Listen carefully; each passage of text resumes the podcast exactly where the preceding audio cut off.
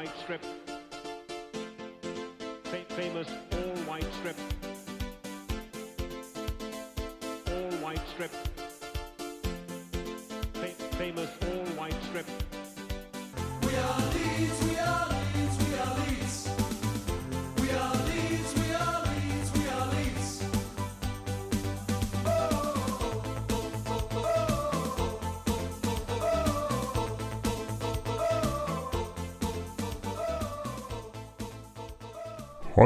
da er vi tilbake med andre episode av uh, Luskos-podkasten, som eh, akkurat nå er navnløs. Vi får jobbe med navn eh, senere. Eh, jeg er Andreas Milde, er redaktør i The Pukjok News, som sist. Har fortsatt stillingen, eh, og er her med Runar og Anders.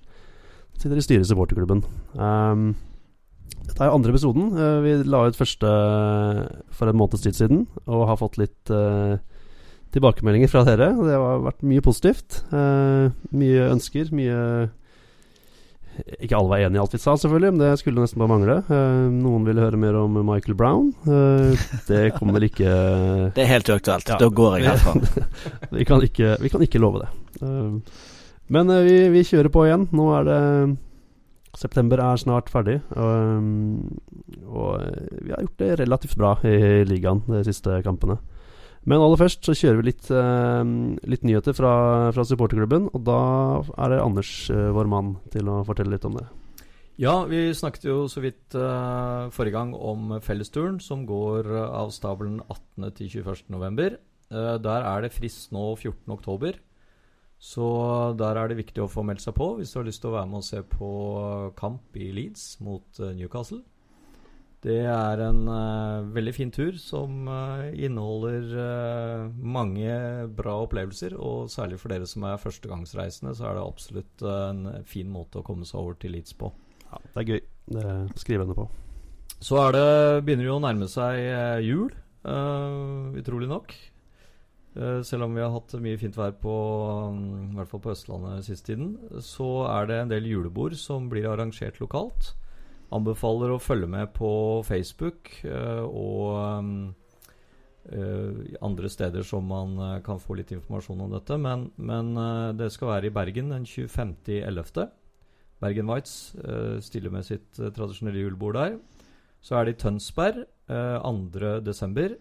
Det står også omtalt i siste eh, medlemsbladet.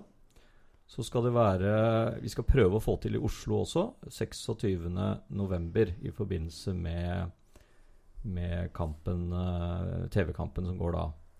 Så eh, møt opp på lokale julebordene, og er det noen som har lyst til å arrangere noe lokalt julebord, så er det jo bare å, å gjøre det, og informere om det til, eh, til eh, Luskos og på Facebook, eh, norske Leeds-fans og andre steder.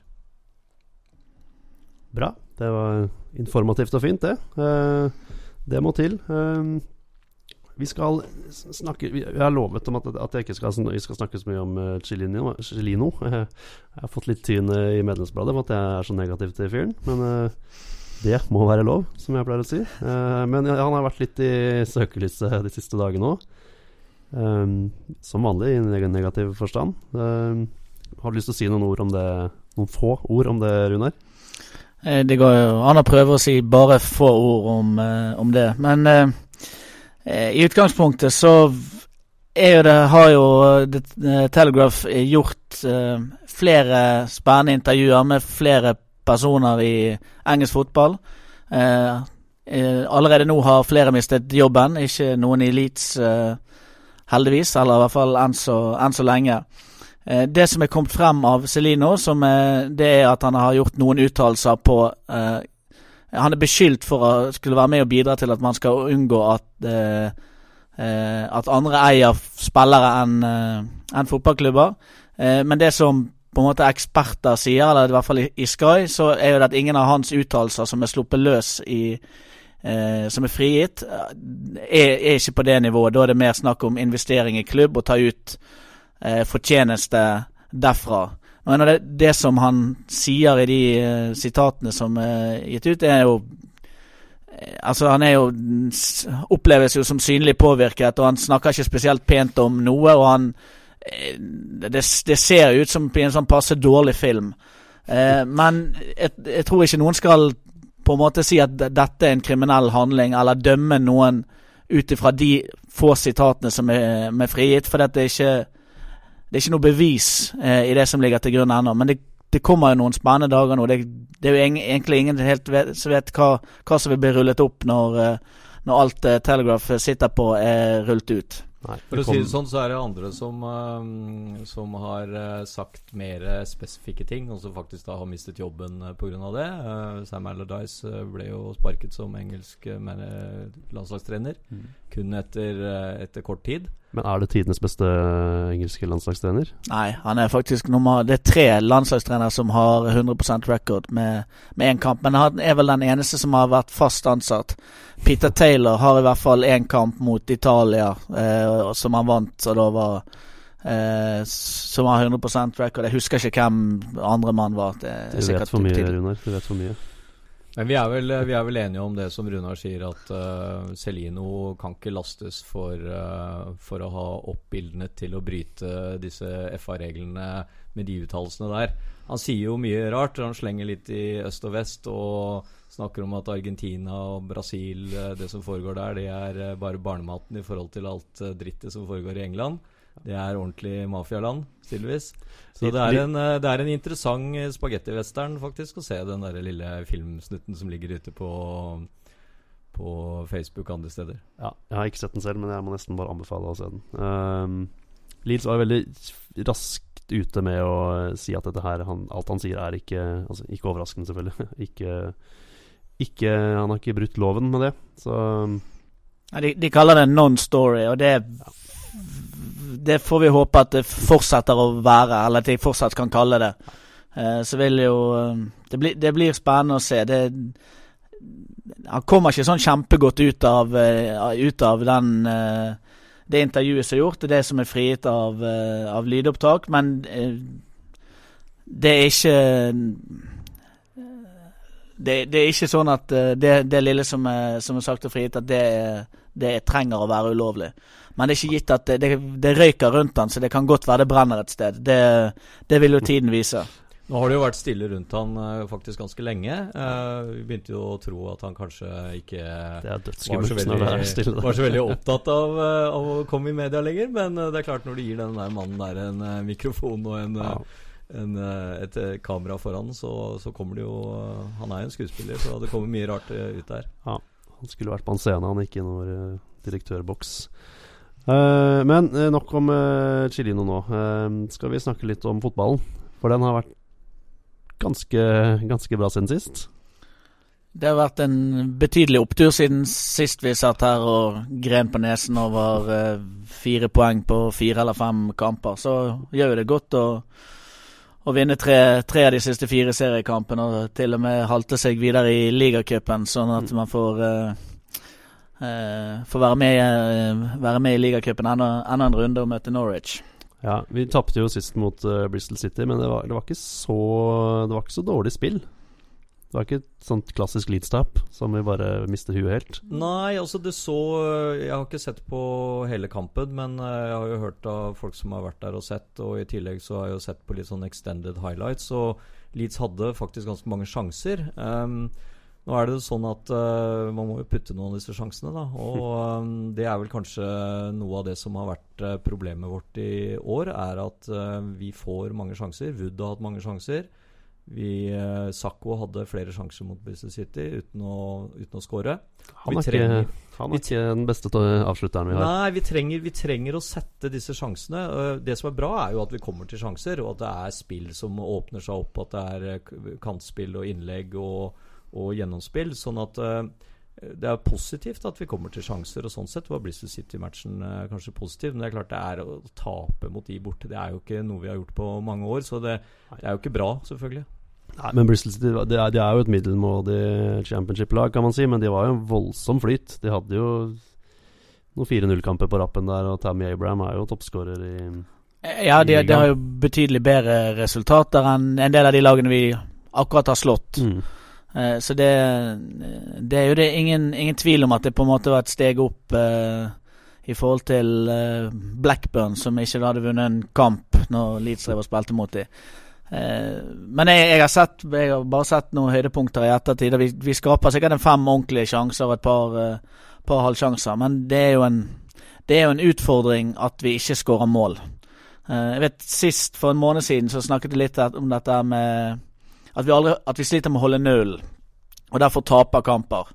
Uh, og det, Nå har vi holdt uh, null inn noen ganger. Vi har, vi har skåret et og annet mål uh, de siste. Men, men, det er jo en gjennomgang, gjennomgang og det har vært i, i flere år nå. Jeg, jeg, sjekket litt statistikk på de siste 102 kampene Leeds har spilt. Altså denne sesongen pluss de to foregående av seriekamper. Så er det kun 31 kamper Leeds har skåret mer enn ett mål. Eh, og da, Hvis du da sammenligner, som jeg liker å gjøre, om å gå tilbake til det første året i championship, eh, så spilte man 46 kamper. Da var det 26 av de kampene skårte man mer enn ett mål. Eh, så det er en forskjell på 30% og 56 mm.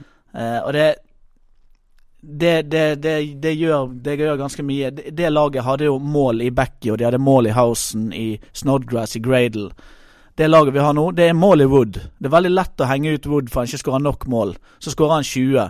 Eller kan ende opp med å skåre 20 mål. Men det er, for han er den, den, er den eneste vi forventer skal skåre mål. Sako finnes det lite mål i.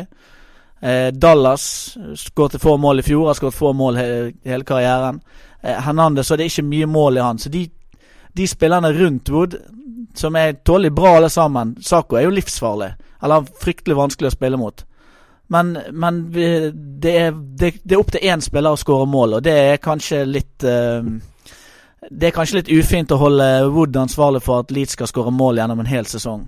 Ja, men eh, ta, ta, Chris Wood, da. Har det, har det mm, Han har plutselig begynt å putte masse mål. Har det skjedd noe eh, med han? Han var litt upopulær i starten. Uh, eller han er alltid upopulær, for så vidt. Ja. Men, uh, men, har det skjedd noe med han og selvtilliten hans siste, siste kampene, kanskje? Sikkert skjedd noe med, med selvtilliten når han, når han, setter noen mål, men det er klart at han har vært Han har jo vært den som har kommet til de fleste sjansene, og, og at han putter noe, er jo, er jo bra og forventet. Det som kanskje er litt skuffende, er jo at ikke Antonsson har uh, eh, åpna målkontoen ordentlig. Uh, han har jo spilt en del kamper, uh, selv om han har vært uh, nå litt ute, litt ut, og inn.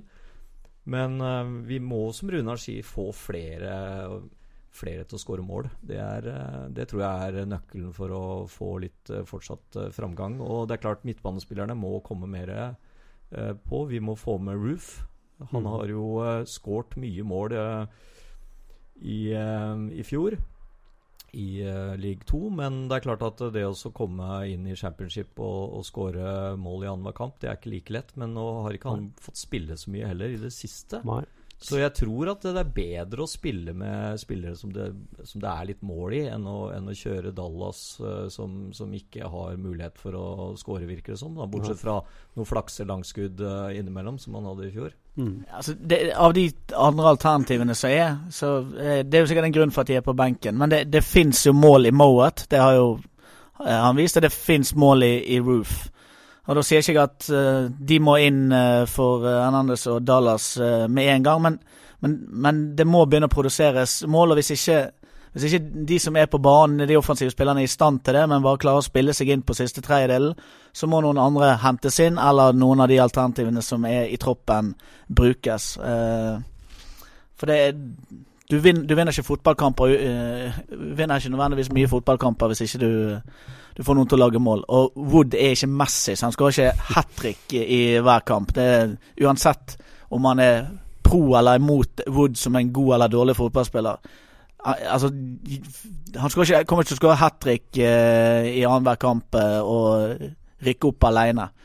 Han har i hvert fall ikke touchet til Messi. Nei, nei og vi kan jo, hvis vi sammenligner med kanskje litt mer eh, naturlig sammenligning, da, i og med at McCormack eh, skårte ja. mye mål eh, for oss tidligere, så er det klart McCormack eh, var en spiller som godt kunne ha skåret hat trick en kamp. Eh, eller i hvert fall to mål. Og skårte ganske jevnt og stort sett på bestilling. Og det er klart at eh, Siste sesongen han spilte for oss, så skåra vel han omtrent halvparten av alle måla vi skåra. og det er klart at han bidro til, å, bidro til at vi vi holdt plassen og greide, greide den sesongen. Men, men eh, vi, vi trenger noen som kan skåre såpass med mål, men vi trenger flere som kan skåre. Altså Wood kommer til å klare å skåre Hvis han spiller like mye som McCormack, så klarer han å skåre like mange mål som han gjorde i sin siste sesong. Eh, det største problemet er jo at eh, det finnes jo ingen andre som lager, lager mål. Klarer sikkert å presse ut eh, 21-22-23 mål av Wood hvis han spiller 40 kamper. Eh, men eh, hvor skal de andre 25 målene komme fra? Det Ja, Du må øve avslutninger, da. For at de kommer jo tydeligvis til eh, I hvert fall det vi har sett, så kommer de til en del sjanser. Hernandez hadde jo et ganske fint mål mot Cardiff, var det vel. Så, så det bor jo tydeligvis noen mål inn, men, men da må man jo selvfølgelig prøve. Og, og det har vært ganske mange kamper hvor, hvor Leeds har hatt ganske få skudd på mål, eller eh, mot mål. Så de er nødt til å prøve å produsere flere sjanser og øve på, på avslutninger. For det er klart, du kan ikke, du kan ikke bare holde nullen og, og vinne, vinne kamper. Du er nødt til å skåre noen mål òg, ellers så ja. Det som er litt gøy å se nå, som vi har snakket om litt for en måned siden, er jo at man har gått Nå har man returnert litt til det man trente på i, i preseason med å spille 4-2-3-1. Eh, og det har jo at nå etter resultatene er snudd, så var jo den oppskriften eh, tatt, eh, tatt frem igjen. Så har det bølget litt mellom, mellom 2-3-1 og, og 4-4-2. Men bare apropos det, for hva, skjedde der egentlig? Når, for Gary Monk han spiller jo 4-2-3-1, det er hans system. Men han gikk veldig fort over til 4-4-2 plutselig i, i em, sesonginnledningen. Hva, hva tror du er grunnen til det? Var han stressa? Pressa? Jeg tror han var litt stressa, og så, og så tror jeg han venta Han venta jo litt på Bridcut òg, Ja. i den der uh, bakre rollen der. Men, men uh, jeg tror han ble litt stressa. Og han, vi føler vel ikke helt at han har satt Som vi snakket om sist, at han har satt laget helt ennå. Det er Nå har han vi, kanskje fått litt mer skikk på den bakre fireren. Vi har fått inn han Jansson inn, og han virker som en um, solid stopper. uh, kanskje bedre enn eh, Cooper. Forsvaret virker nesten mer solid, solid enn det har gjort på veldig lenge. Ja, det virker bedre, og, og, og nå har vi jo spilt ganske mange kamper med samme backfireren, eller i hvert fall prøvd det. Jeg vil jo også faktisk si at selv om vi snakket en del negativt om Green sist, så syns jeg Green har tatt seg opp de siste fem- fem-seks kampene. Jeg syns han har spilt bedre, vært mer trygg, gjort en del bra redninger og gjort en bedre figur eh, enn han gjorde sist, eh, eller de første kampene. Så det kan selvfølgelig være en sånn total uh, forbedring av, uh, av Forsvaret som gjør at han også blir tryggere. Men, men det, er blitt, det er blitt bedre bakover, og vi, vi slipper jo ikke inn så mye mål. Uh, det, det er jo bra. Eh, men det er klart at vi, vi, vi må skape litt mer framover. Og da, da tror jeg vi må starte med, med midtbanen og, og få mer få mer framover derfra og mer mål, målfarlighet i midtbanespillerne. Særlig de, de som spiller på kanten og som kan komme med litt fart, som Roof og, og Sakko. Der, der har vi muligheten til å bruke fart av dem, så de må Jeg så den uh, Bristol City, der hadde Sakko en, en to-tre ganske feite sjanser, altså som, uh, som gikk i relativt hytt og pinne. Mhm. Eh, vi snakker jo litt om Pontus Jansson. Han har kommet inn og fått veldig mye oppmerksomhet i sosiale medier i hvert fall om at han er liksom ny sjefen og uh, har løfta hele laget. da Uh, Det er jo å selvfølgelig, men det er jo en type spiller som Leeds kanskje har savna litt. ser i hvert fall veldig, veldig bra ut i, i veldig mange situasjoner, både på defensiv dødball og Jeg syns han har en del Han har, han han er flink med ballen, kan, han ta, kan ta med seg forbi bilen. Han er en veldig, veldig ruvende spiller i, i den bakre fireren. Eh, men så Dette har jo vi i utgangspunktet opplevd før, i hvert fall de som eh, hevder det, at de har, sitter med samme følelse nå som når Sol Bamba kom. og Jeg husker en gang man, når man signerte Richard Naylor, at da eh, folk jublet og mente at dette var eh, Norman Hunter in disguise. Eh, så fire, fire kamper, eh, eller fire eller fem kamper han har spilt. Nå tror jeg skal dempe forventningene noe, eller så lurer vi spilleren. Går rundt og tror at eh, dette her er fryktelig god fotballspiller, og så kommer sannheten, og så plutselig så sklir han inn et selvmål eller eh, stumper i beina sine. Sånn som ofte, ofte skjer. Men jeg syns at han har et helt annet snitt over seg enn det som jeg syns at Solbamba noen gang representerte både Ja, når han var lånt inn og når han ble hentet. Dette ser ut som en fotballspiller. Og så har han, eh, har han litt guts, rett og slett. Altså det det ser, har vi sett i flere kamper hvor han liksom står og knytter neven mot eh, publikum og liksom kommer igjen. og Han virker litt sånn, eh, litt sånn gutsy spiller og, og blir fort uh, populær selvfølgelig blant Leeds-fansen når du har en litt sånn uh, attityd, er det Ja. det heter på svensk. Han sa jo det, han uh, Moscowite, den Squareball-podkasten, sa det at han hadde sett på Jeg tror det var Blackburn-kampen, så hadde han sett uh, Pontus Jansson være, være på motstanders banehalvdel da vi skårte mål. Da hadde han bare snudd seg sakte og gått tilbake til plassen sin, men da han hedda en sånn løs ball ut i corner, så jubla han som han hadde vunnet EVM. Så da, han vet han i hvert fall forsvarsspiller i, i blodet, da. Det, er- det er jo bra. Eh, og vi slapp jo faktisk inn mål mot Bristol City sånn fem minutter etter han hadde gått ut med skade. eller sånt. Det er selvfølgelig ikke, behøver ikke bety noe, men uh, vi later som det gjør det. Ja, og det var et ganske Ganske dårlig baklengsmål. Altså, det- for det første så mister vi ballen uh, midt på der. Og er Hernandez som, uh, som somler den bort. Og så er egentlig forsvarsfireren litt ute av system, eller hva vi skal kalle det. det. Sånn at det blir veldig lett for Bristol City å, å kontre, kontre med, med tre spillere og spille litt fram og tilbake, og så skåre mål. Så det var, eh, det var veldig synd at, eh, at den kampen eh, fikk den, den utviklingen der, da, med, med at han måtte ut. For det, det kan godt hende at det var medvirkende årsak til at, til at det, det ble baklengsmål. Men det er klart, det er jo flere ting som, som, som gjør at det blir et baklengsmål. Det er ikke bare liksom nødvendigvis at han gikk ut, men det var en Bare å se på den skåringen. Den er, det er sånn at du gremmes litt, altså. Rett og Ja.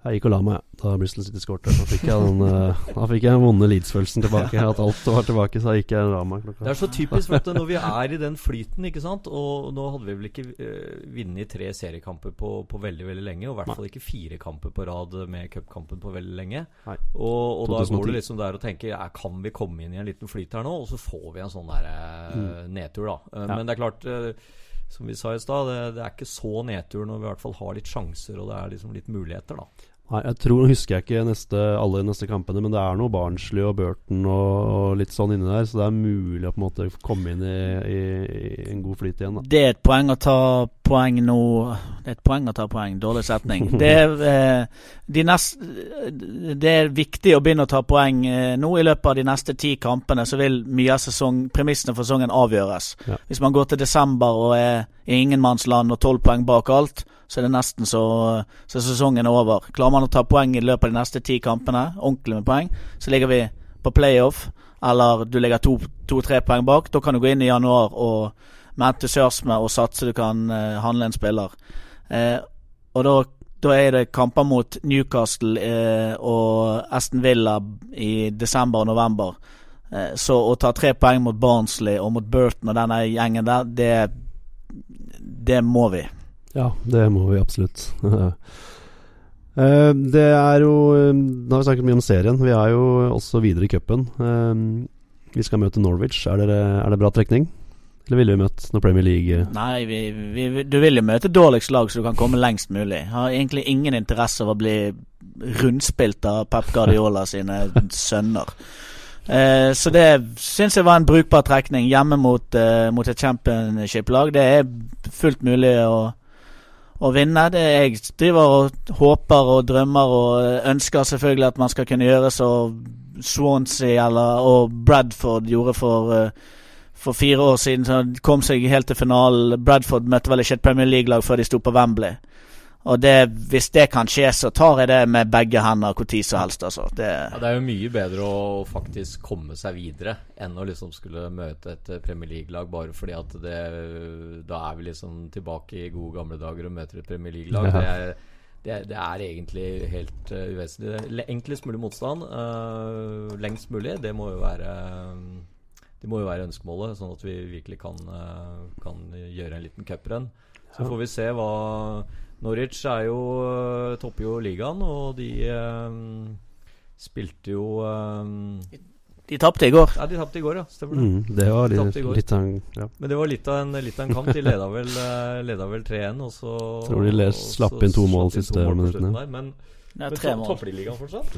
Nei, fall det, der. men De det, det, det er Huddersfield som topper, tror jeg. De har hatt Ja. en brukbar start. Ja, Uh, vi vi snakka jo ikke noe om Huddersfield-tapet hjemme, da. Det er jo klart at uh, tapet for Huddersfield hjemme, det var, uh, det var veldig sorgen. Og, Ja. og det er klart, når det kom etter den dårlige starten vi hadde, så tenkte jeg at nå, dette ser helt forferdelig ut. Og Ja. nå, nå Jeg var bekymra for at Monk skulle få sparken hvis vi ikke vant, eh, vant den kampen mot, uh, mot Blackburn som kom etterpå. Da var jeg helt sikker på at uh, at det kom. Men eh, så fikk vi jo disse seirene på rad, da, så det roa seg litt. Ja, jeg frykta skikkelig at han skulle ryke på huet og ræva ut, men um, gudskjelov vant vi noen kamper. Altså Huddersfield er en liten togstasjon Ja. på vei inn til Leeds. Og, Mm. og, og tape mot Huddersfield hjemme, det er liksom uh, Og de, de har ikke mye ressurser i, Hudder, i Huddersfield, altså.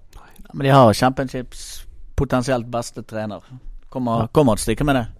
Gjør det, altså. Uh, jeg har for så vidt litt annen holdning til cupen. Ja, for jeg um, alltid har hatt den negative holdningen til å ha cupen bort. Sånn at vi kom oss ut av cupen, så vi kan fokusere på, uh, på serien. Så jeg kunne egentlig gjerne møtt et uh, Premier League-lag og bli rundspilt, jeg. Men uh, jeg ser jo Kommer vi til Wembley, så uh, skal jeg dit, altså. det, er, det er jo eh, noen optimister som uh, i, eh, i Luskos som uh, Det er helt utrolig. Ja, som mener at vi skal to ganger til Wembley den sesongen. Da, så vi får nå se om det Det hadde jo selvfølgelig vært moro, men eh, ja. Det er jo noen som ønsker å vinne i Lotto to helger på rad, men det blir jo ikke mer sannsynlig av den grunn. Men gjerne det. Vi, gjerne det. Vi kan godt prøve. Ja. Nei, jeg har lyst til å si noe mer om uh, laget og spillet og serien og cupen som har vært, som kommer? Jeg tror som Brunar sier, det blir, det blir viktig framover å ta, ta poeng. Eh, Det, og jeg tror også ja, Nå sa jo faktisk eh, Celino uh, i det intervjuet at han hadde brukt 8 millioner pund på, på nye spillere. Uh, eller sa han at han tenkte å bruke 8 millioner pund? Uh, Det er ingen som forstår hva han sier, så det er, Nei, det eh, er usikkert. Men han snakka i hvert fall om 8 millioner pund. Men hvis vi legger sammen alt den har brukt, så, så kommer vi kanskje i nærheten av det. Men, men eh, jeg er jo veldig spent på om de, om de kommer til å satse noe i januar hvis det viser seg at vi er med, da. Ja. Uh, og det er klart at nå har han jo gått ut og lovt uh, penger tilbake til sesongkortkjøpere. Uh, selv om ikke det ble så mange som eh, man kanskje hadde håpet. Nei. Så, så er det klart at uh, det kommer jo til å svi litt grann å skulle tilbakebetale 25% til såpass mange. da Så, så jeg vil jo, vil jo tro at han kanskje ønsker å satse litt, hvis vi, hvis vi i hvert fall har et uh, håp om å, å være med litt. Grann. Ja. Og det blir jo litt artigere å følge dem òg, hvis, hvis vi er med. Uh, det er jo kjedelig å liksom være hengt av lasset i begynnelsen av januar. Altså. Ja, det er jo det. Um, Er de på skuddhold i januar, så, så kommer det til å bli gjort eh, investeringer for å få økt sannsynligheten for å rykke opp. Det er jeg helt overbevist om. ja, vi har ikke snakket noe om denne ryktede takeoveren, men det er ikke noe poeng å snakke om egentlig når det ikke er Når det bare er rykter. Så uh, det blir Nei, altså Nå har det jo vært litt stille, da. Det var jo liksom litt rykter om at de hadde sendt inn papirene til FA, at det skulle ta to Ja. uker, liksom. Eh, Så skulle dette her eh, blåses ut. Men eh, nå har det vel gått mer enn to uker siden det siste Ja, jeg leste der, så. Siste jeg hørte nå, er at det skjer i løpet av oktober, men eh, det endrer seg hele tiden. Så jeg sitter egentlig bare nede i båten jeg, og, og ser på fotball så godt jeg kan. Um, Ja, Det er ikke så vits å spekulere så mye i det greiene Nei. der. For nå har vi jo vel prøvd å spekulere de siste Siste ti årene, og det er, eh, det er egentlig ganske håpløst. Så vi får bare, vi får bare komme med noe når, når, det, er, eh, når det er sikkert og, og bekreftet.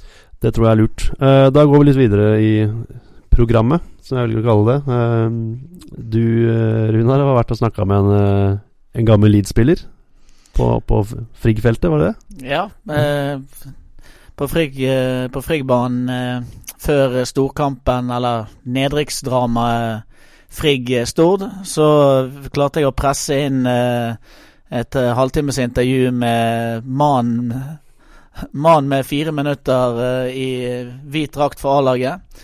Eh, Tommy Knavik, som eh, debuterte på Fratton Park i cup. En av fordelene med cup, at du kan slippe til litt andre spillere. sant. Eh, 23. januar 1999, for de som uh, er veldig opptatt av helt meningsløse uh, fakta.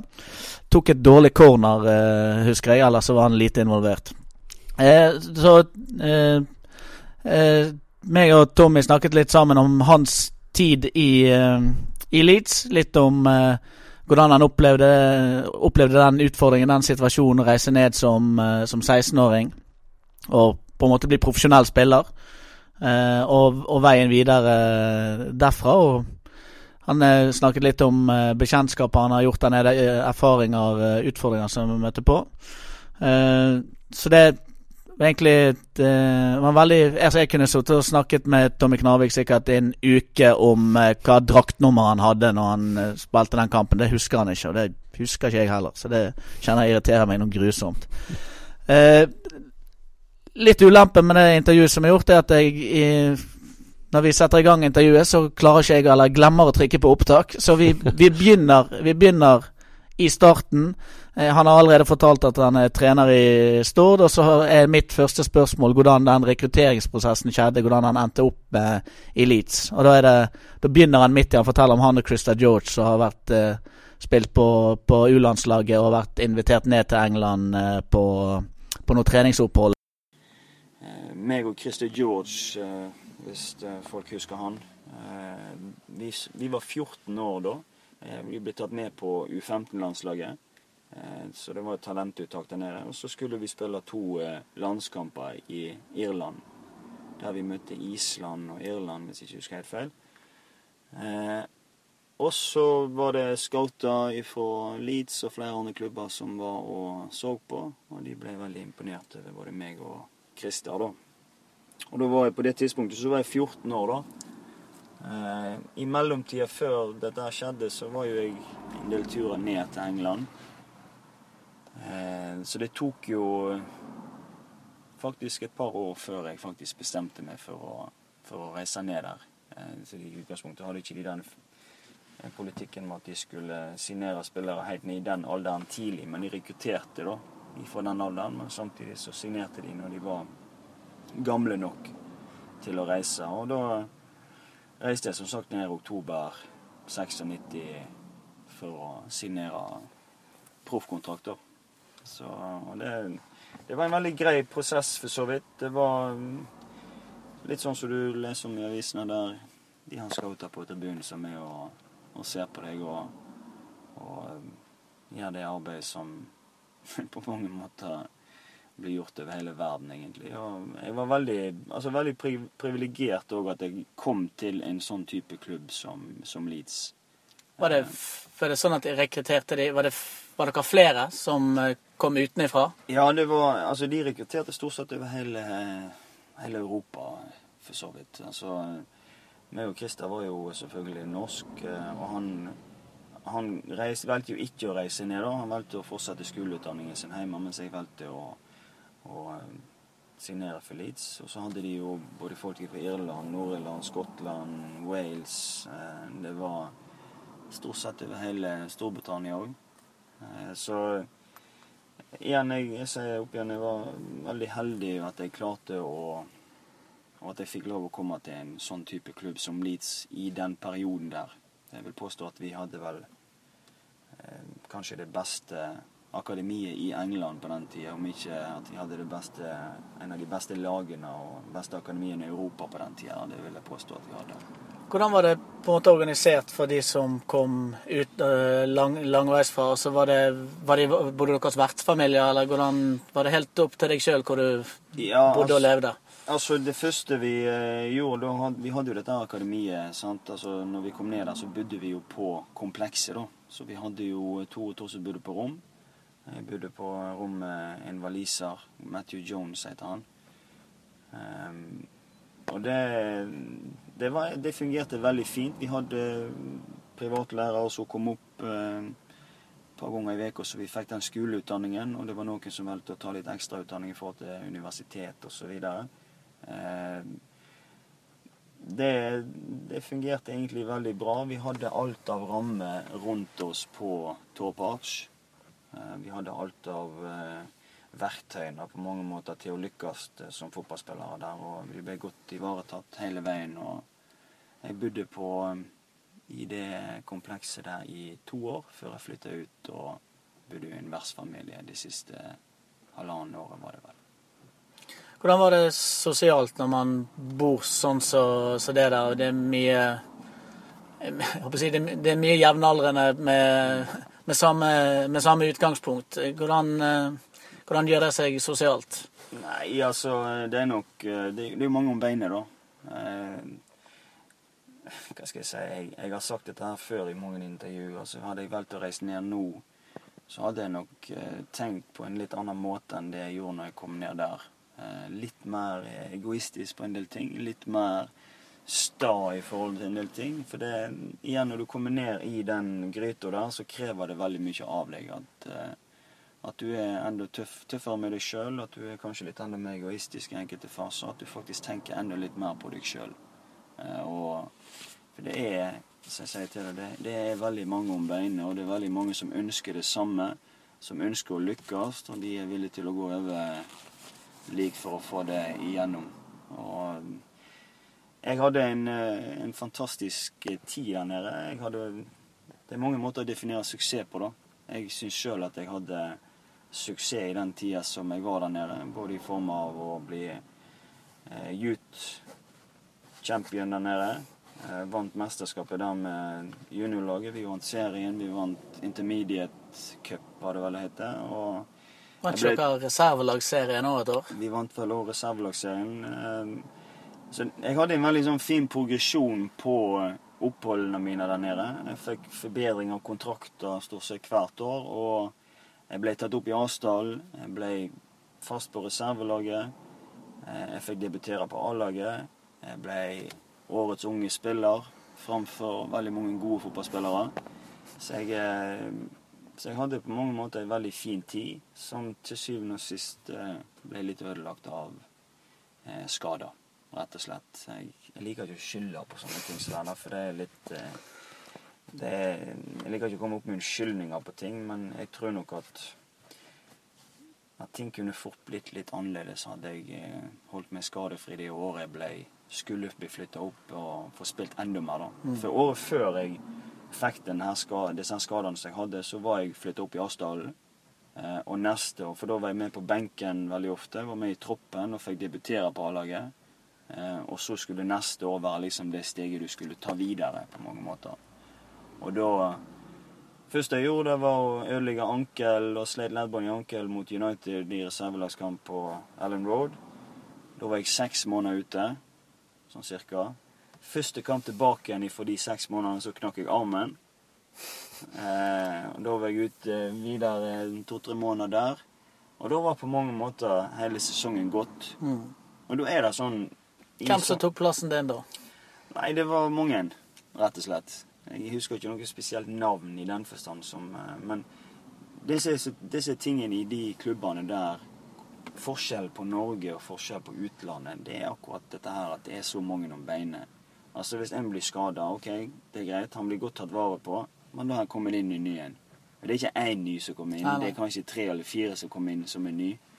Og da er du plutselig bak igjen i køen, og da er det en tøff vei for for min del også var veldig ung i den tiden her, til å jobbe seg inn igjen. Og eh, du må på mange måter starte litt på scratch igjen.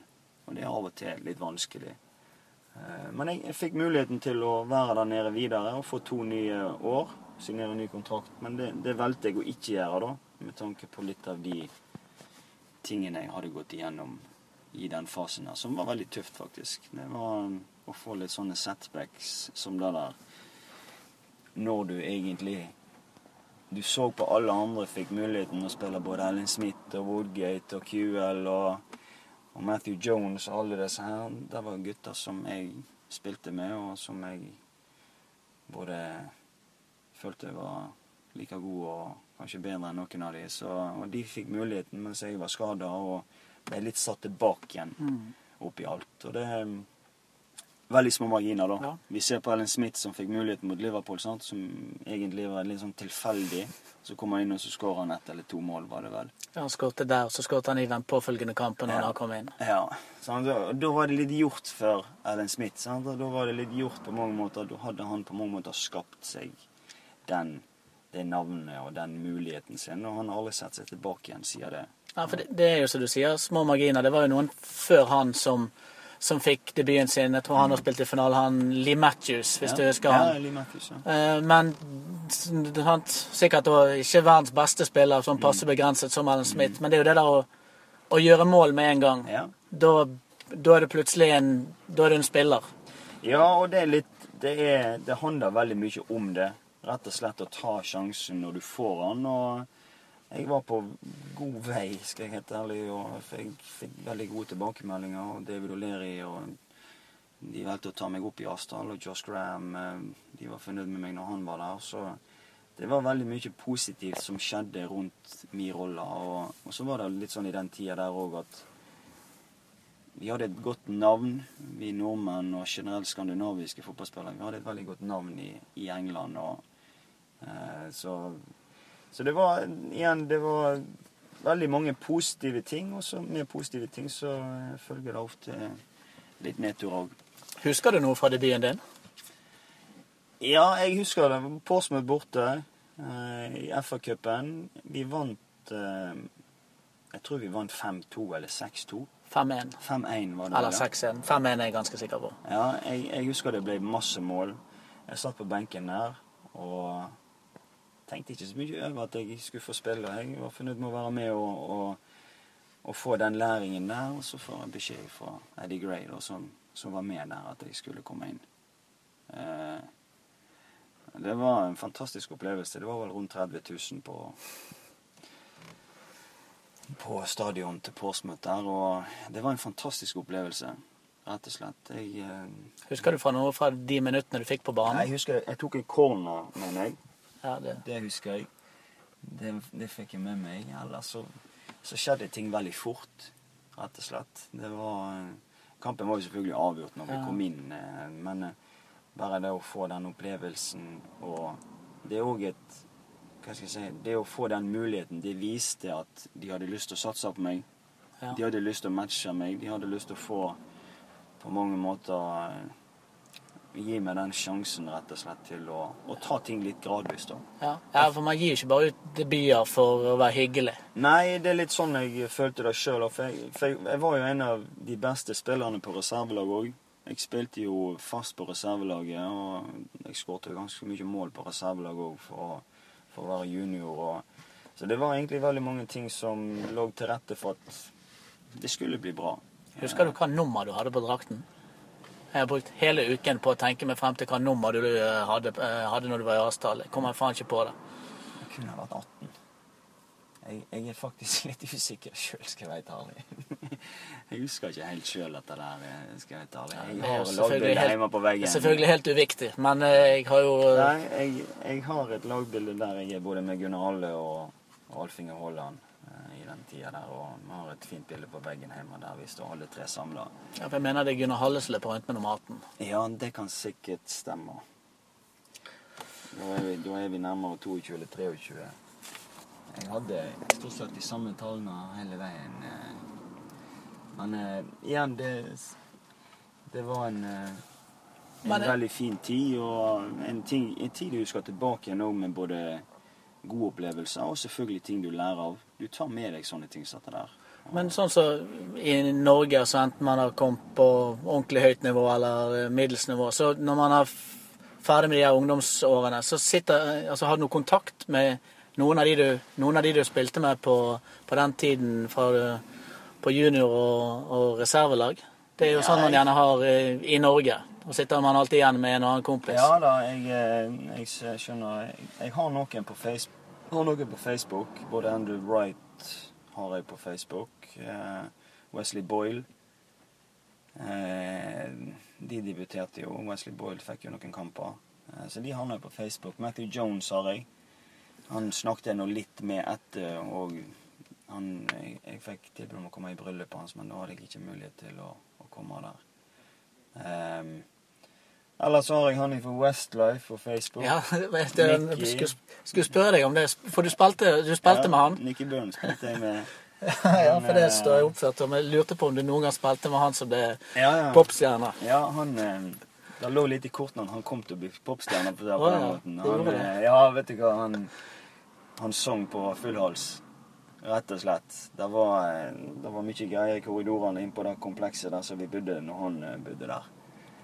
Vi, vi så fort at han kunne eh, bli litt av sånn popstjerne. Og var, i den tida så så vi òg at han var på vei til å, å gjøre det òg, rett og slett. Eh, Vi så selvfølgelig at han var en god keeper, da, men det var ikke Det var ikke da han kom til å bli til slutt, for seg på den måten. Eh, Men det som er litt morsomt òg Vi snakker om keepere, da. Altså Paul Robinson, sånn, som til slutt ble England International og, og ble egentlig ei stor keeperstjerne i Premier League. Det var at når han var på samme alder som oss, så var ikke han i nærheten av noen ting. Han var ikke det? Nei. Da var han faktisk tredjekeeper på juniorlaget vårt. Da var han faktisk bak Nikki Bøhn og en keeper til som vi hadde der. Jeg husker ikke helt på navnet hans der. Eh, Så han var faktisk tredjekeeper. Han var faktisk ikke i nærheten av å få spilt eh, i det hele tatt. Igjen veldig små marginer og tilfeldigheter for faktisk at de klarer å lykkes. Og han tok jo skikkelig tak i seg sjøl etter hvert og ble flyttet opp i Asdal og ble en liten sånn ja, reserve til Nigel Martin og Mark Beanie og den gjengen der. Eh, Ja, så der er jo litt det der med flaks, for den debuten han fikk, da var vel Mark Beanie ble, hadde blitt skadet. Mm. Og så hadde man, man ignorert dette med å hente en erstatter for han. Man ja, hadde jo sikkert troen på Paul Robinson. Men Mm. hadde Mark Beanie ikke blitt skadet, så hadde ja, mest sannsynlig han spilt den kampen mot Chelsea Ja. som Paul Robinson spilte. Det ble 0-0, han var banens beste. Ja. Eh, og da var han anerkjent som en spiller. Mm. Du må debutere og gjøre det bra i debuten for å bli anerkjent som spiller. Ja, det er litt eh, Det som du sier, det er veldig veldig små tilfeldigheter som gjør at du faktisk lykkes. Og det er for Robinson del, og for Smith sin del, og Woodgate for så vidt sin del. De kom seg inn der og holdt seg inn i gamet, og de har eh, da levd av det på det nivået i, i 20 år, sant. Så det, det er litt sånn det er. Du må gripe sjansen når du får den. og jeg var på vei til å, å få det til, og så reiste jeg hjem til Norge da, som sagt i sommeren 2000, og reiste hjem til Brann. Eh, og igjen, jeg, igjen, det er mange måter å definere suksess på. Jeg føler sjøl at jeg har hatt veldig stor suksess i forhold til den eh, fotballkarrieren som jeg har hatt, og jeg har spilt eh, nærmere 300 tippeligakamper og skåret masse mål og hatt det som jobb siden jeg var 16 år. Det er ikke alle som er forunt av å, å ha det. Det er vel de færreste. Ja, det er ikke så mange som har det. Så, men det har krevd mye av meg. Det har vært hardt arbeid. Det har vært oppturer, det har vært nedturer. Og jeg har nok lært veldig mye opp gjennom, opp gjennom årene. Og det har, em, men det har vært Det er en sånn ting som jeg aldri kunne tenkt å hatt på en annen måte, for å si det på den måten. Så veldig mange positive opplevelser. Eh, spørsmål. Hvem var den beste spilleren du spilte med litt som aldri slo igjennom? Eh, ja, det må jo være på en juniorspiller i så fall, eh, som jeg spilte der. Eh. det er veldig vanskelig å si, egentlig. Kevin Dixon. Jeg hadde jo en som heter Kevin Dixon. De kalte han for Digger. Han var en liten sånn her jordfreser. Han takla alt som gikk, og han var en veldig god fotballspiller, rett og slett. Eh, Men det ble ikke så mye av han, rett og slett. Jeg tror ikke han fikk eh, spille på A-laget heller. Men han var en god Veldig god juniorspiller, husker jeg. Han spilte på reservelaget og fikk eh, spille mye der òg. Eh, men igjen mange om beinet og mye konkurranse om plasser. Og, men han var en god fotballspiller. Han var med å vinne Han var med å Youth vinne, Cup. ja, han var med å vinne det meste, han òg. Så vi hadde et veldig godt lag der. Og det var mange av den elveren som spilte på Sellers Park der, og Crystal Palace, som faktisk fikk debutere på A-laget. Ja, det tror jeg det er over halvparten. Ja, jeg tror det var ganske mange. Vi hadde både meg og Lee Matthews, Matthew Jones, Andrew Wright, eh, Wesley Boyle. Wesley Boyle, Alan Maybury, Ja. Jonathan Woodgate. Ja. Eh, Så det var, det det Ja, der var Smith på benken, så Ja. det sier vel ganske mye. Ja, det er sant. Vi hadde et, et veldig godt mannskap der. Så, men en av de bedre spillerne jeg spilte på A-laget, det var David Batty. Ja, det Har du noe, i- Nei, det- noe var- øyeblikk? Nei, altså, David Batty, jeg spilte med han mot Derby borte. Eh, men det var reserv på reservelaget. Så skåret jeg, mener jeg òg, husker jeg. Eh, Det var en god spiller, rett og slett. Og det, det var kanskje ikke den beste perioden til David Betty heller. Eh, var, han hadde jo kanskje hatt bedre tider eh, som fotballspiller når han kom tilbake igjen til Leeds, men det var en kjempegod spiller, rett og slett. Og han hadde Jeg spilte jo i samme posisjon, sa han, sant? og det var litt sånn at du, du kunne relatere til en del ting, og du så hva han var god på, og hva jeg måtte bli bedre på, og så videre. og sånn. Så det var litt sånn I forhold til rolle, da, så syns jeg han var en veldig, veldig veldig god fotballspiller. Samtidig så var han en veldig grei kar òg. Så han var lokalgutt òg. Og det var veldig mange positive ting å si om han. For å runde av eller avslutte. Du har ikke noe Du har ikke noen sånne historier uten, eller på eller utenfor banen fra, fra noen eh, gamle, gamle helter som du tør å dele med oss? Nei, jeg har en historie om meg sjøl der jeg hadde bursdag. Så hadde jeg masse sånne ritualer og sånt eh, som Det var jo helt grusomt, egentlig. De, de kom og henta meg på rommet der. Hele gjengen dro meg i dusjen der. Kledde av meg alle klærne og smurte meg inn med skokrem. Og heiv meg ut på banen. Og jeg måtte springe tre runder rundt banen der. Splitte okay, naken. Så det var en sånn der eh, opplevelse som ikke var så spesielt kjekt. Ellers er det litt sånn andre opplevelser for min egen del òg, der jeg eh, der jeg hadde hatt ei trening med reservelaget. Og jeg tror jeg har vært litt skuffa for at ikke jeg skulle spille kamp eh, med reservelaget på kvelden. Og så eh, hadde jeg vist i, i, i kanskje ikke den innsatsen som de hadde ønska, og vært litt nedfor da i trening. Så hadde jeg blitt tatt inn på kontoret. Det var ikke én trener som satt på kontoret, det var ti trenere som satt på kontoret. Oi. Og alle satte seg i en sirkel, og jeg satt midt inne i sirkelen. Og ble slakta av én og én trener rundt. Jeg var ikke Altså, du er ikke 30 år. Da var du 17. 17-18. Da sitter du midt i sirkelen, og du har alle trenere som sitter rundt deg og ser på deg og har lyst til å si ting og slakte deg fordi du ikke har gjort jobben din godt nok. Eh, Den Da skal jeg innrømme at da kom det en liten kom det en liten tåre der for en ung gutt i den alderen her. Men jeg har jaggu mye lært det, da. Hvem var beste treneren du hadde, for så vidt gjennom all tid, men eh, fra, fra Leeds-perioden? Jeg, har, jeg, jeg kom jo veldig godt overens med både Paul Hart og Eddie Gray. Jeg, de var på mange måter litt mentorer for oss når vi vokste opp eh, der nede. Og vi hadde de jo Vi hadde de jo en god del år. Eh, Vi hadde jo Paul Hart hadde jo et par sesonger. Eddie Gray hadde jo det stort sett hele veien der, da. For han var jo både med på A-lag og rekruttlag og reservelag og junior. Så det var litt eh, de, de gutta der, de har betydd eh, ganske mye, de, altså. Både i forhold til De lærte oss så ganske De lærte oss så masse både i forhold til fotball og det å ta vare på deg sjøl og det å Disiplin og holdning og den biten her. Altså, det Det gjør deg eh, sterkere, altså. Så alle de tingene der så har du lært ekstremt mye i forhold til å I ung alder, da. Hva du kan ta med deg videre. Eh, og så er det ikke sånn at Sånn som O'Leary og Graham og den gjengen der. Altså, det er ikke sånn at jeg kan ta så veldig mye ut av dem. Eh, at jeg, de var så veldig gode fotballtrenere. Men de jeg lærte mye mer av, det var sånn som typer som Eddie Gray og Paul Hart. Som fikk veldig stor suksess med de, de lagene de hadde der. Og eh, det var som sagt en veldig, veldig fin tid. Ja, Da er det ikke så mange minuttene til du skal i et uh, spillermøte, så da kan vi avslutte med Følger du, følger du Leeds noe i dag? Ja, jeg følger godt med. Jeg, jeg, eh, er inne og ser Jeg har noen sånne eh, Facebook-venner som har lagt meg til, som har eh, Som legger ut forskjellige typer videoer. og alt. Sp spammer deg med videoer? Ja, det er mye videoer, både intervju etter kamper og med info om ting og trenerintervju osv. Så, videre. sånn, så jeg følger jo godt med på hva som foregår. Og, så det er jo veldig spennende ansettelse med han Gary Monk, da. Ja, Men ja. jeg, eh, jeg tviler nå på at han kommer til å få så mye tid på seg til å, til å rette opp i ting hvis, det, hvis resultatene går motsatt vei, da.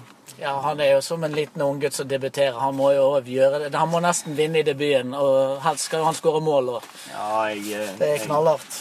krysser fingrene for at eh, de klarer å få til ting og, og klarer å komme seg opp igjen. For at den klubben der, eh, den fortjener det da, på mange måter. Ja, nei, men Da skal du få lov til å gjøre deg klar til eh, Frigg eh, Stord. Takk for det. Lykke til. Takk.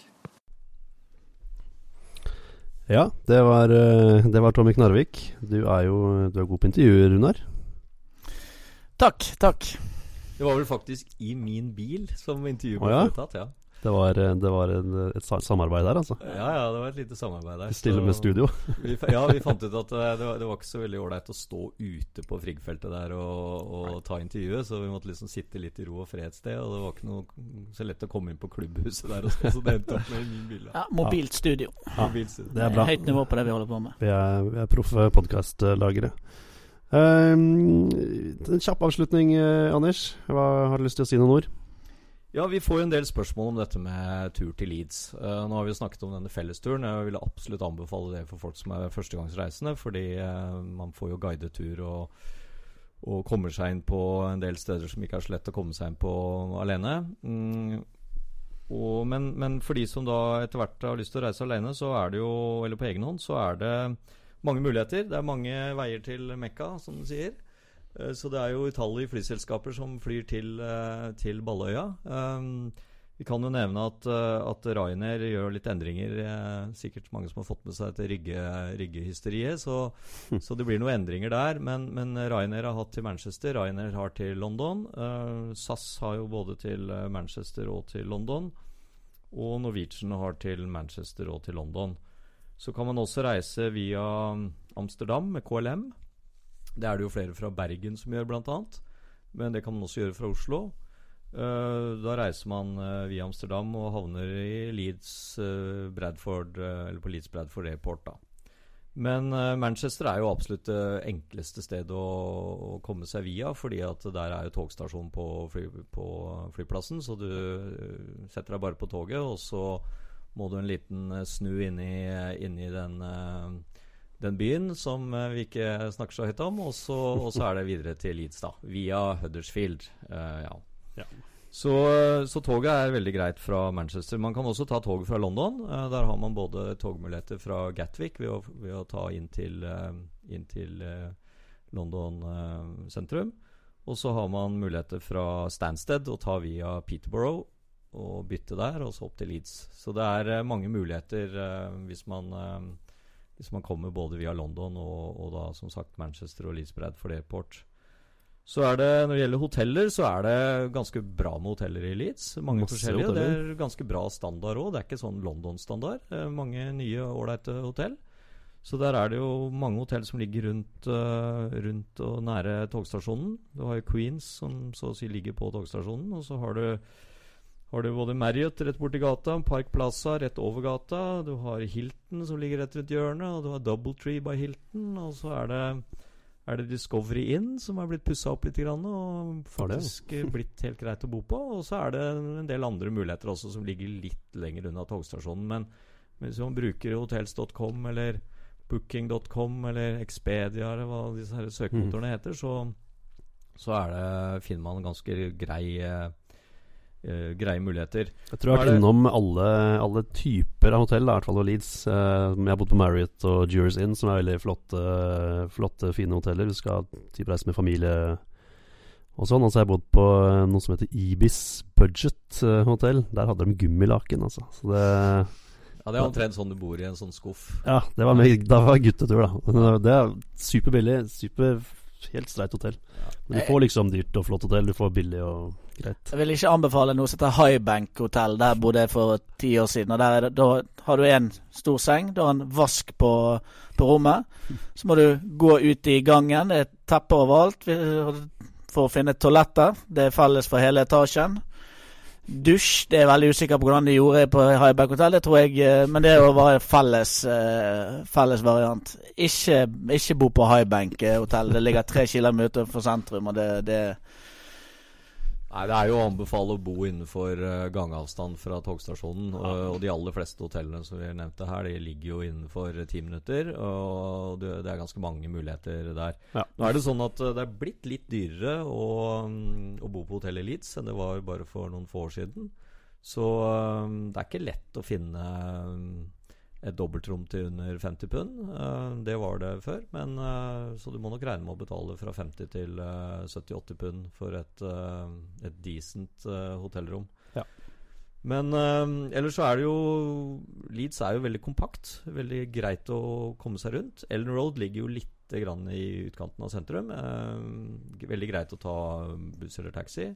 Men litt langt å gå, Uh, i hvert fall helt fra sentrum. Men, Deilig å eh, gå hjem etter kamp innimellom, syns jeg. ja, det er fullt mulig å gå, Uh, men det er, det er jo et lite stykke, så du bruker jo en knapp uh, halvtime, eller i hvert fall Ja. 20, 25 minutter eller noe sånt. Men, men ellers er Leeds veldig kompakt. veldig mye puber og, og restauranter og, og shoppingmuligheter som ligger innenfor kort avstand fra, fra togstasjonen og rundt sentrum. Så, så det er jo absolutt å, å anbefale å ta seg en tur rundt i Leeds. Eh, de har jo også åpnet nå ny uh, supporter eh, merchandise-butikk i eh, Leeds sentrum. Det har jo vært eh, Det var på tide, sier Ja, det har jo vært gjort eh, noen spede forsøk etter at eh, den eh, butikken som var i sentrum eh, mens man spilte i Premier League, den ble jo nedlagt. Og, og så har det vært noen sånne pop-up eh, stores og noen, noen korte eh, korte seanser med butikk. Men, men eh, nå har det kommet til en butikk i dette Marion Center, som ligger litt eh, opp eh, bak fra, fra gågaten og opp mot den nye arenaen. Så det er tydeligvis et senter som de satser litt mer på nå. Da er det jo åpnet en ny, eh, stor, fin Leeds-butikk hvor du kan kjøpe eh, drakter og pennal og alt det man vil kjøpe. Drakter og pennal, faktisk. Det var, pennal det har ikke jeg eid på noen år, men eh, nå tenker jeg jeg fikk fryktelig lyst på et nytt pennal. Ja, det er fint å ha med hjem til unga, vet du. Ja, nå har jo barn, så nå kan jeg kjøpe pennal. Endelig. Um, vi tre er jo ganske mye over i å se kamper og um, holde på. Men hva, hva er det liksom du gjør, eh, Anders, når du er i Leeds? Er det bare fotball og ta noe øl og ta fly hjem igjen? Ja, altså det blir jo Det kommer jo litt an på hvis det er eh, hvis Har ikke, har ikke du vært på museum når du har vært i Leeds? Jo, Det har jeg. jo. Jeg har vært på museum når jeg har vært der. Ja, ikke sant? Eh, Det kommer litt an på om du drar, drar på guttetur, holdt jeg på å si, eller sammen med familien og sånn, men det blir jo fort til at man må innom noen butikker med en liten liste, da. Eh, ikke sant? Så, så det hender jo at man må, må shoppe litt, og så er det jo litt rundt på disse eh, forskjellige pubene og ta seg en, eh, en, en øl og prate litt med folk og sånt, og gå og kikke litt. Eh, Men jeg har også prøvd meg på noen utflukter. Jeg var jo sist oppe, skrev jeg litt om i, i siste nummer av Peacock News. Det var Ja. En liten tur opp på kanalen, det var veldig fint. Eh, ellers er jo eh, York og Skipton og flere av disse Harrogate, flere av disse stedene som ligger rundt Leeds, veldig ålreit å ta seg en liten en liten uh, tur til hvis man har noen, uh, en dag ekstra eller to. Men Og vi prøvde, prøvde vel oss også på, på treningsfeltet sist, men det, der blir man nektet adgang. Så med mindre man vil rote rundt i buskene der, så er det ikke så veldig mye å hente og dra ut dit da på Torp Arch. Jeg dro ut dit sist eh, da jeg hadde intervjuavtale. Jeg ble jo kasta ut for det. For han sa Jeg sa jeg har en avtale med Ryan. Så jeg, han, det er ingen som heter Ryan her. Så går det to sekunder, så kommer Ryan ut. da Hei, Andreas. Ja, hei, Ryan, sier han fyren da. så jeg tror det er sånn Det er innebygd at vi skal kaste ut folk. Eh, Nei, Ja. men det er, det, er, det, er, eh, det er flere muligheter, altså. Så det er, og det er en veldig hyggelig by. eh, Koselig by. Og, og som sagt kompakt. Og de har, de har eh, pusset opp litt, i hvert fall de siste fem-ti siste årene. Så det er absolutt blitt en ålreit by. Ja, det sier vi jo ikke bare fordi jeg er Leeds-fan, men Nei. også fordi at det er, det er Det er faktisk det. Jeg skryter veldig mye av Leeds til alle folka jeg har hatt med kona mi over dit. Hun vært sammen i ti år, hun vet så vidt hva Leeds er fortsatt. Men eh, hun elska byen, så det er, eh, det er en flott by, altså. Ja, så det, det er vel egentlig en oppfordring til alle. Kom dere over. Eh, Ja. Selvfølgelig er det fint om dere blir med på fellesturen, men, men uh, har dere ikke mulighet til det, så, så kom dere over. Uh, det er en opplevelse for de som ikke har vært der. Og, og Ellen Road er jo selvfølgelig um, gåsehud eh, både første, andre, og tredje, og tiende og tjuende gangen. Så, Ja. så det, er, det er en helt en spesiell opplevelse. Det er enkelt å komme dit. Det er, ikke, det er ikke så kronglete som man kanskje tror, hvis man ikke har vært der før. Eh, da er vi ferdige for denne gangen, vi. Kan nevne at vi sitter her med den nye utgaven av The Peacock News, som vi fikk i postkassa rett før vi reiste ut hit. Så Den håper jeg dere også har fått nå. Og så et lite oppfordring. Det er noen medlemmer som ikke har betalt medlemskontingenten. Ai, ai. Det er Noe- veldig dumt. Noen, det er tusen stykker. Ja, Det er altfor mange som ikke betaler, altfor mange som er trege. Og hvis de ikke betaler, så får du ikke medlemskort. Du får ikke Peacock News, du får ikke ditt og du får ikke datt. Så det lønner seg å være medlem og betale. Du Får ikke presanger til jul eller noe. Alt du går til får ikke lov å høre på podkasten. Skru av. Skru av! Nei, det får du. Det skal du få lov til. Uh, nei, men hør på Anders. Betal uh, avgift så takker vi for oss. Ha det.